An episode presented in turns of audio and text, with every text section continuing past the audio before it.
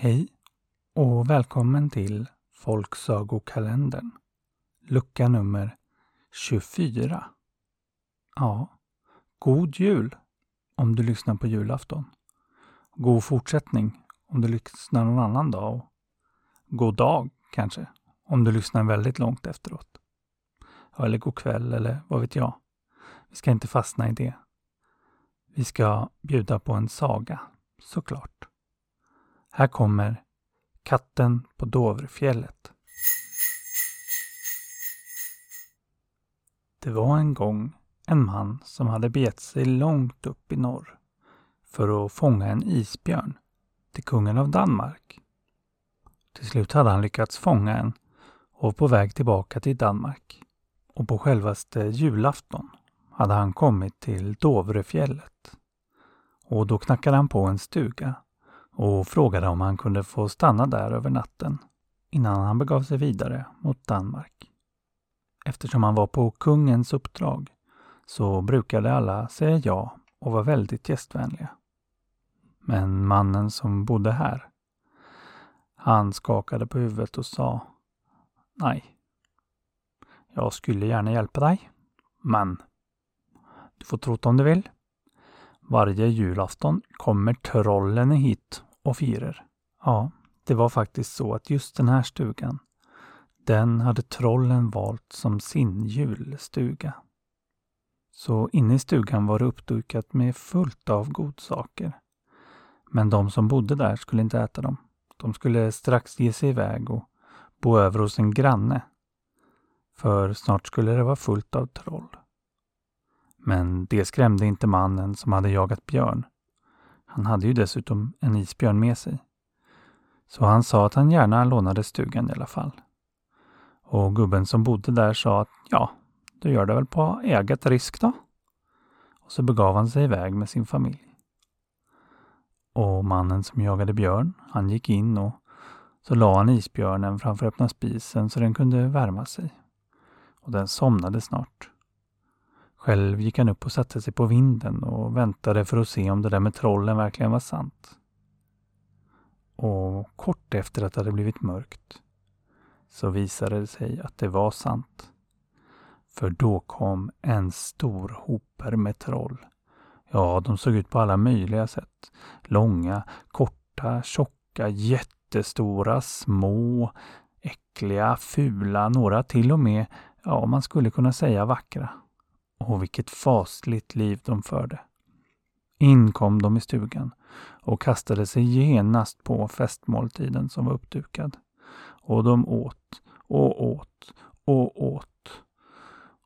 Och till slut var allting uppätet och alla trollen var stånkmätta. Men en liten prinskorv var kvar. Så ett av trollen tog den och satte den på en gaffel och gick in i rummet där isbjörnen låg och vilade sig. Så stack han ner den framför näsan på isbjörnen och sa Hörru du kissekatt, ska du ha en korv? Och då vaknade isbjörnen och var inte glad över att ha blivit väckt.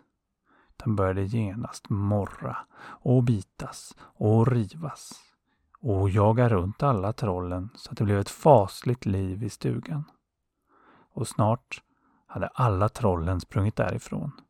Och morgonen efter så gav sig mannen och björnen vidare söderut. Och till slut kom de till kungen av Danmark och lämnade över björnen. Men gubben som bodde i stugan med sin familj, han fick aldrig reda på vad som hände med den där mannen som lånat stugan. Men han gissade att trollen hade ätit upp både honom och björnen. Men tänkte att han fick väl skylla sig själv. Sen tänkte han inte så mycket mer på det förrän nästa år, när det började närma sig jul. Och en dag när han stod och högg en julgran så hörde han hur det prasslade i buskarna lite längre bort. Och han förstod att det var trollen. De hade säkert kommit för att be om någon speciell maträtt som de skulle ha, som skulle stå framme lagom på julaftonskvällen. Men istället så ropade trollet.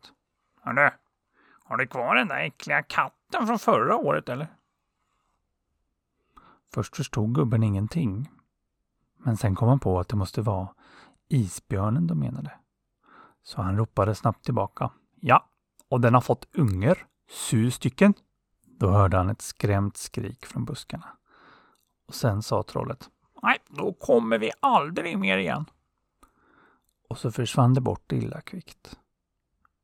Och den julen kom faktiskt inga troll till stugan. Och inte julen efter heller. Och inte julen efter heller. Och faktiskt inte den här julen heller. Nej, det kom aldrig mer några troll till den stugan.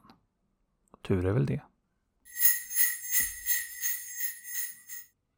Ja, jag hoppas ni har eller hade en trollfri jul. Hur den än var med alla konstigheter och restriktioner. Då återstår väl bara för mig att säga tack. Tack alla ni som har lyssnat på alla avsnitt och tack alla ni som lyssnar på första avsnittet idag. Hoppas ni har tyckt om julkalendern. Jag har i alla fall tyckt att det var jättekul att göra den. Så som vanligt tack till Anna, Viktor, Elin och MC Snack. Och nu tar faktiskt Folksagopodden lite julledigt. Så nytt avsnitt det blir det först någon gång i februari. Och vill man veta exakt när, då får man följa mig på Instagram eller Facebook. Där heter jag Folksagopodden. Ja, det var allt. Tack, god jul, gott nytt år och lev nu lyckliga i alla era dagar. Ho, ho, ho.